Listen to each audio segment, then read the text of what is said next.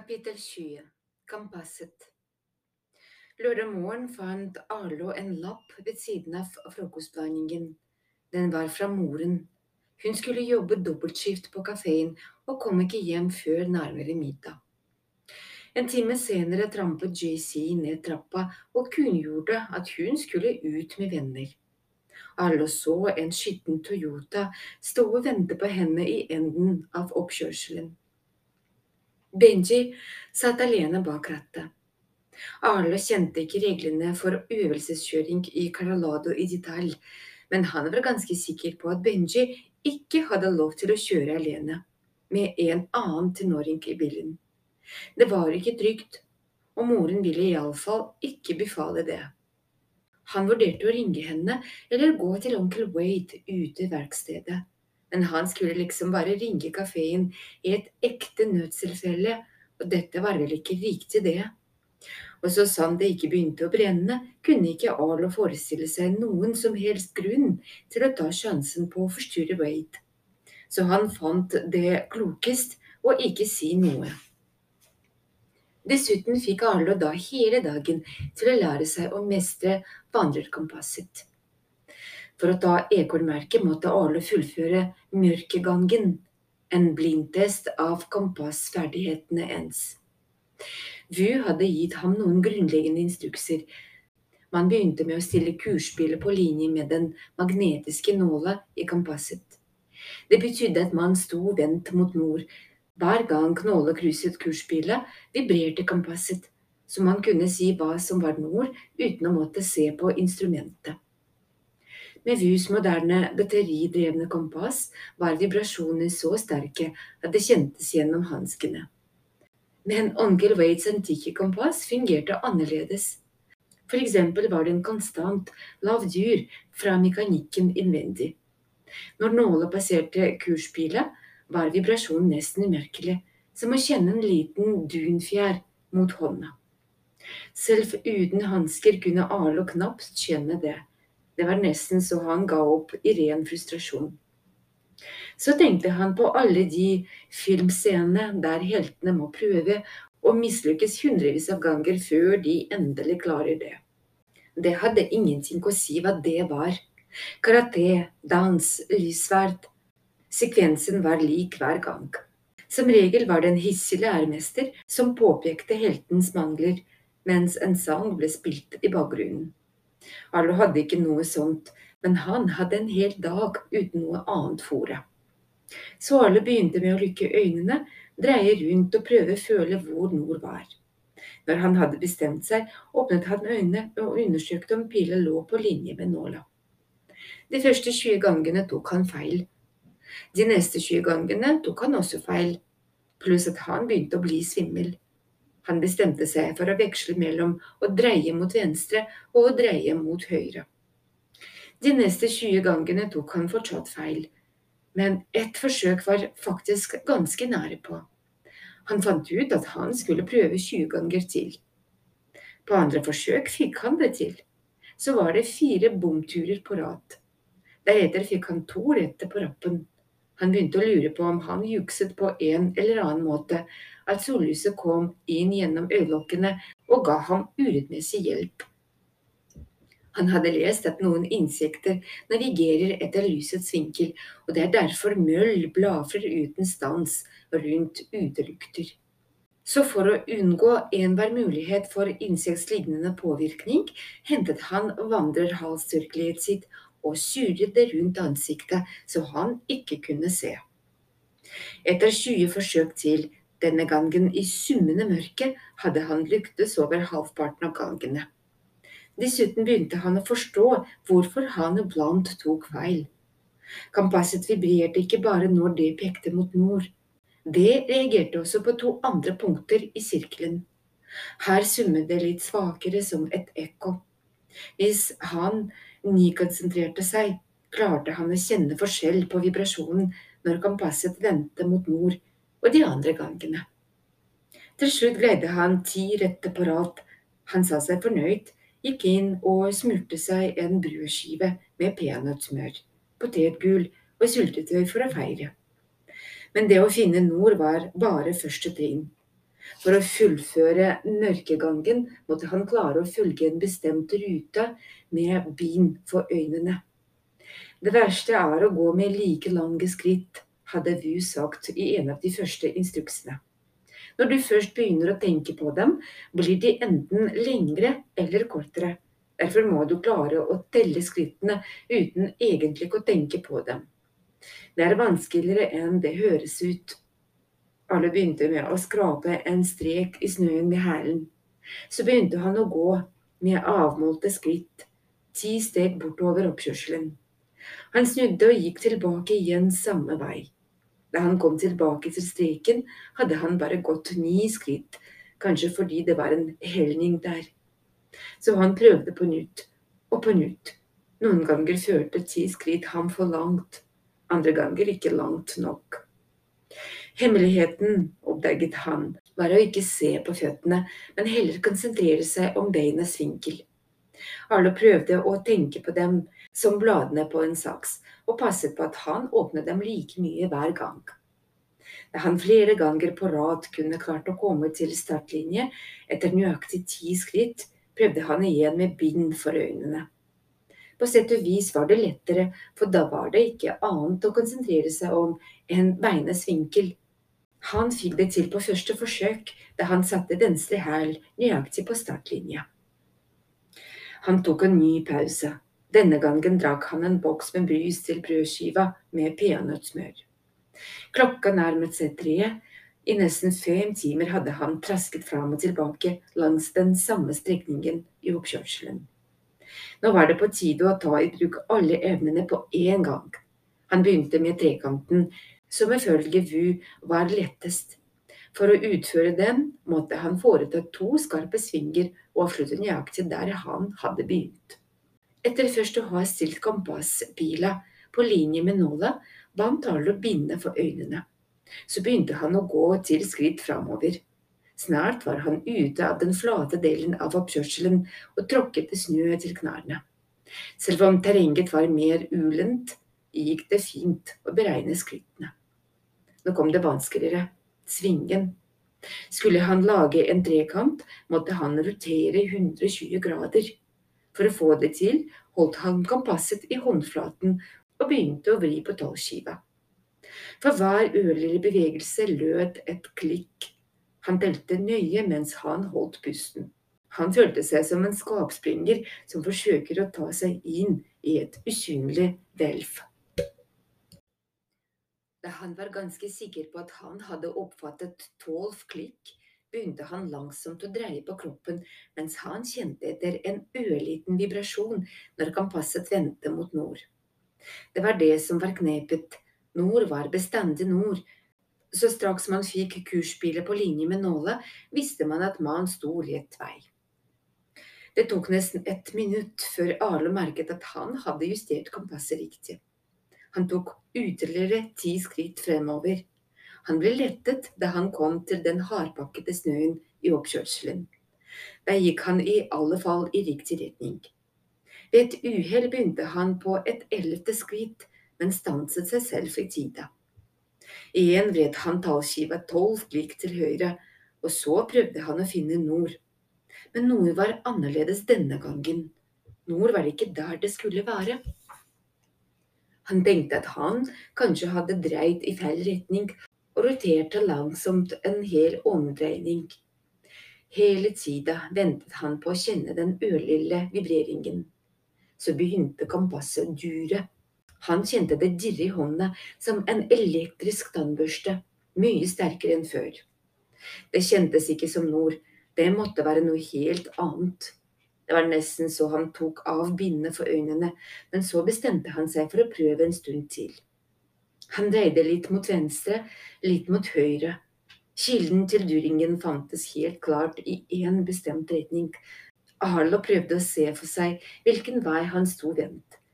Med tanke på utgangspunktet sto han sannsynligvis med ansiktet bort fra huset, mot veien. Så hørte han en hund bjeffe. Det lød hektisk, rasende. Arlo dro av seg bindet og myste i lyset. Jo da, han sto vendt mot veien. Cooper sto og bjeffet mot skogen, men det var ikke så uvanlig. Bortsett fra innså Arlo at jeg ikke skulle kunne høre ham, men spøkelseshunden bjeffing hørtes høyt og tydelig i den kjølige lufta. Arlo lykket kompasset og tok noen skritt fram. Hunden kikket på ham, og så fortsatte den å bjeffe mot skogen. Den hang med halen. Pelsen stirret langs ryggraden. Hva var det? spurte Arlo. Hunden kunne ikke svare. Det trengte den heller ikke. Noe kom ut av skogen, en mørk skygge i rask bevegelse blant trærne. Alle skjønte hva det var ut fra gangen, selv før den kom ut i sola. Det var en diger, svært hest. Men ikke noen vanlig hest. Vanlige hester har ikke horn som en bukk, lysende, røde øyne eller flammer som står ut av neseborene.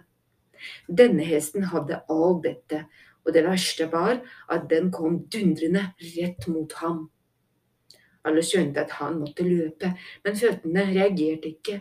Han var stiv av skrekk, han klarte bare å stirre rett fram.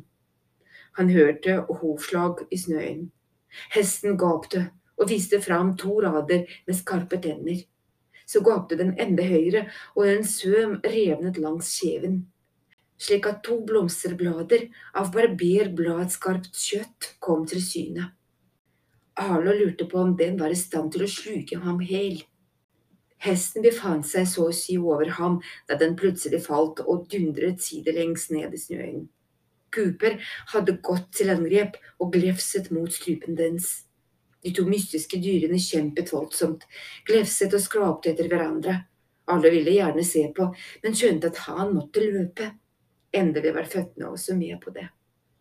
Han sprang mot inngangsdøra og skled noen ganger på veien. Han hadde akkurat nådd fram til trappa da han hørte et kvamlende klynk og skjønte at Cooper hadde måttet gi tapt. Arlo fomlet med døra, men til slutt klarte han å låse den opp. Han gikk inn og smelte den igjen etter seg.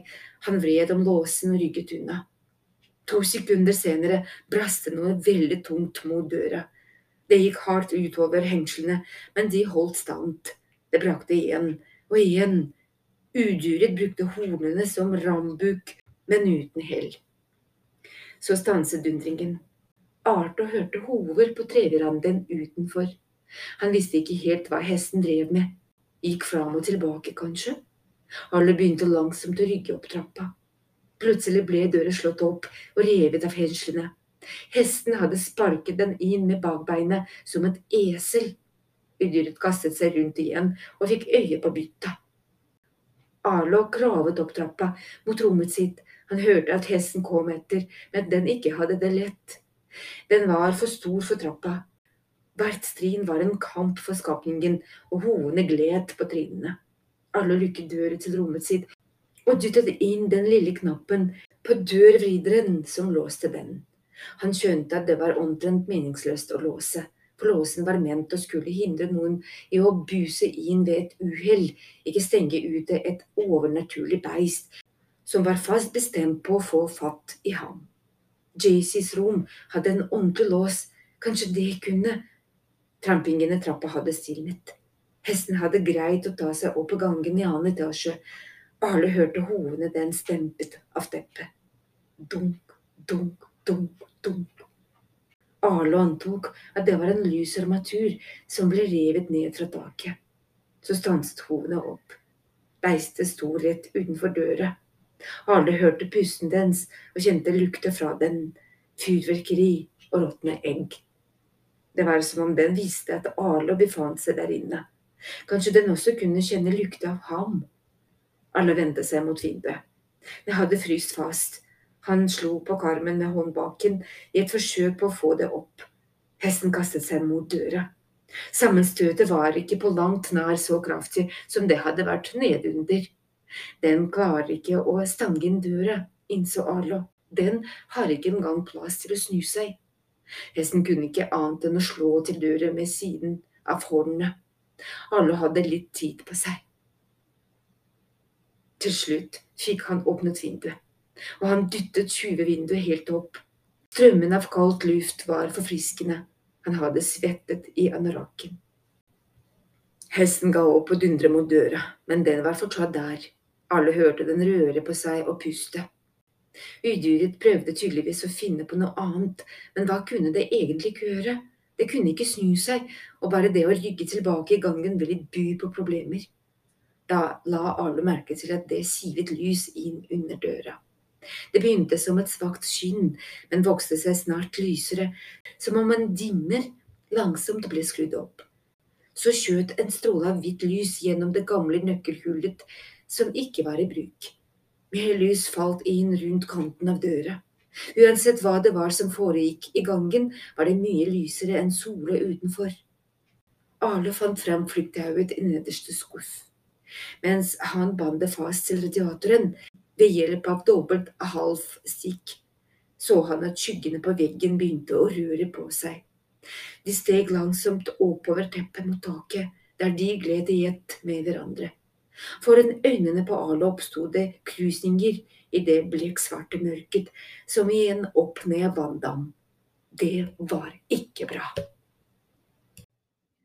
Han sjekket at knuten var stram, og slengte taukveilen ut vinduet. Han hadde akkurat begynt å klatre ut da plutselig Med hodet først steg hesten ned fra mørket og traff Arles seng med et smell. Hårlaget var blankt og vått. Da den fikk øye på ham, gapte den høyt og flekket hundre takkete tenner. Arle og Dels hoppet, Dels ramlet ut av vinduet. Han holdt hardt i tauet. Det bar ham, men han fikk nesten armene ut av ledd. Ansiktet ble slått mot husveggen. Han fektet med beinet, prøvde å finne tauet. Han sa opp. Beistet stakk hodet ut av vinduet og brølte fra langt nede i strupen. Den strakte på den lange halsen og glefset etter ham. Den stikkete busken nedenfor vinduet tok imot fallet. Den var dekket av snø og falt sammen idet den tok opp sammenstøtet. Han raken beskyttet ham mot tårnene. Arle lå på ryggen og blunket, forbløffet over at han var uskadd. Han stirret opp mot vinduet, der udyret forgjeves forsøkte å nå ham. Det hulte av frustrasjon, det var altfor stort til å kunne ta seg ut gjennom åpningen. Alle kom seg på bena. Han så opp mot vinduet igjen. Hesten var ikke der lenger, men et sterkt lysskinn hadde kommet til syne. Alle skjønte at han måtte flykte, men hvor? Han kunne løpe langs veien, men det nærmeste huset lå nesten en kilometer unna, og hesten var raskere enn han. Skogen lå nærmere, kanskje han kunne klatre opp i et tre. Men snøen var dyp, det ville gå sakte å vasse i den, og det var fra skogen udyret hadde kommet. Arles beste håp var å gjemme seg i huset, kanskje i kjelleren, Vis da ikke verkstedet. Arlo hadde ikke sett onkelen hele dagen, men han hadde heller ikke sett ham dra. Bilen sto fortsatt parkert i oppkjørselen med snø på frontruta. Sannsynligvis var han der ute i arbeidet på den store ordren til Jackson Hall. Men tenk om han ikke var der? For å komme seg til verkstedet måtte Arlo løpe rundt hele huset. Hvis han kom seg dit og det var låst, ville han ikke ha noe sted å gjemme seg. Han så opp mot vinduet igjen. Lyset var borte. Udyret var ikke lenger fanget på rommet hans. Hvor var den nå? Arlo skjønte ingen verdens ting av denne skyggetrolldommen. Men han var overbevist om at beistet befant seg der et sted, og at det var på vei mot ham. Arlo måtte bestemme seg. Han valgte verkstedet. Han lå på sprang, nesten borte ved oppkjørselen snublet han. Han skvatt mer enn det gjorde vondt. Han kom seg på beinet og løp videre. Idet han rundet hjørnet, fikk han se det han fryktet mest. Dører til verkstedet var stengt, hengelås. Han bråstanset på stedet og speidet etter en annen utvei. Dører til vaskerommet var som regel låst, ettersom låsen ikke fungerte helt som den skulle. Vedstabelen ga i praksis ingen beskyttelse, og selv om han kunne greie å ta seg bort til onkel Wades bil, hadde han ikke nøkkel til å starte den. Da hørte han et splindrende brak fra husets overetasje. Han løftet blikket mot den uferdige delen, der han skimtet bevegelse under den blå presenningen. Plutselig bukset udyret gjennom plassen. Alle så det i sakte film. Hesten syste gjennom lufta. Det landet i galopp, sprang i en stor bye og deretter rett mot ham. Arlo hadde ikke annet valg enn å fortsette å løpe mot verkstedet. Da han nærmet seg, så han at hengelåsen ikke var lykket, men bare hang i dørhaspen. Det var ikke låst allikevel. Selv om onkel Wade ikke var der, kunne han ta seg inn. Arlo dro i døra, prøvde å skyve den opp. Den var mye, mye tyngre enn han hadde ventet, og han fikk den bare opp noen få centimeter om gangen. Det var bare det som skulle til. Han presset seg inn gjennom åpningen og begynte å dra igjen døra. Åpningen ble mindre og mindre, han hørte udyrets hover, det skrek av raseri. Døra gikk igjen med et tilfredsstillende brak. Arlo hadde klart å komme seg inn. Han tok et skritt tilbake mens han hev etter pusten. Da øynene begynte å vende seg til mørket, lurte Arlo Finch på om det ikke hadde vært bedre å bli værende ute.